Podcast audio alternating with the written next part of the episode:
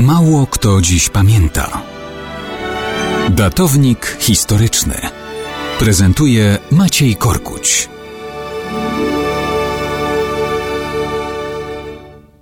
Mało kto dziś pamięta o zbrodni we wsi Kazale, dokonanej przez oddziały tajnej policji haitańskiego reżimu François Duvaliera, zwanego Papadokiem.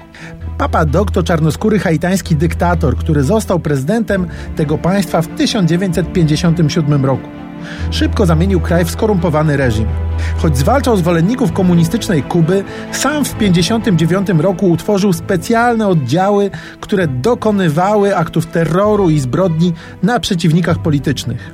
Skromniutka wieś Kazale to miejsce szczególne. Jest ona głównym ośrodkiem potomków polskich legionistów wysłanych tam jeszcze przez Napoleona do tłumienia haitańskich powstań przeciw Francuzom.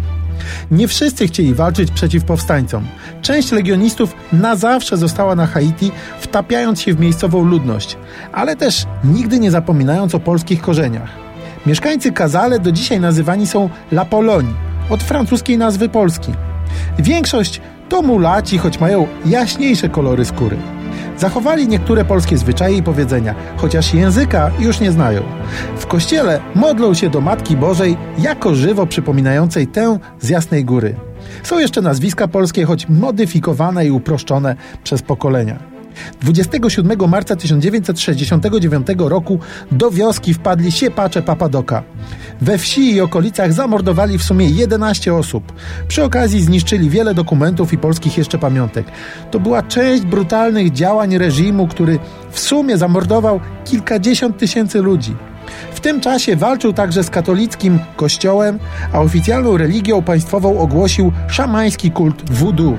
Papa Doc zmarł dwa lata później, ale w Kazale o zbrodni z 1969 roku pamięta się do dzisiaj.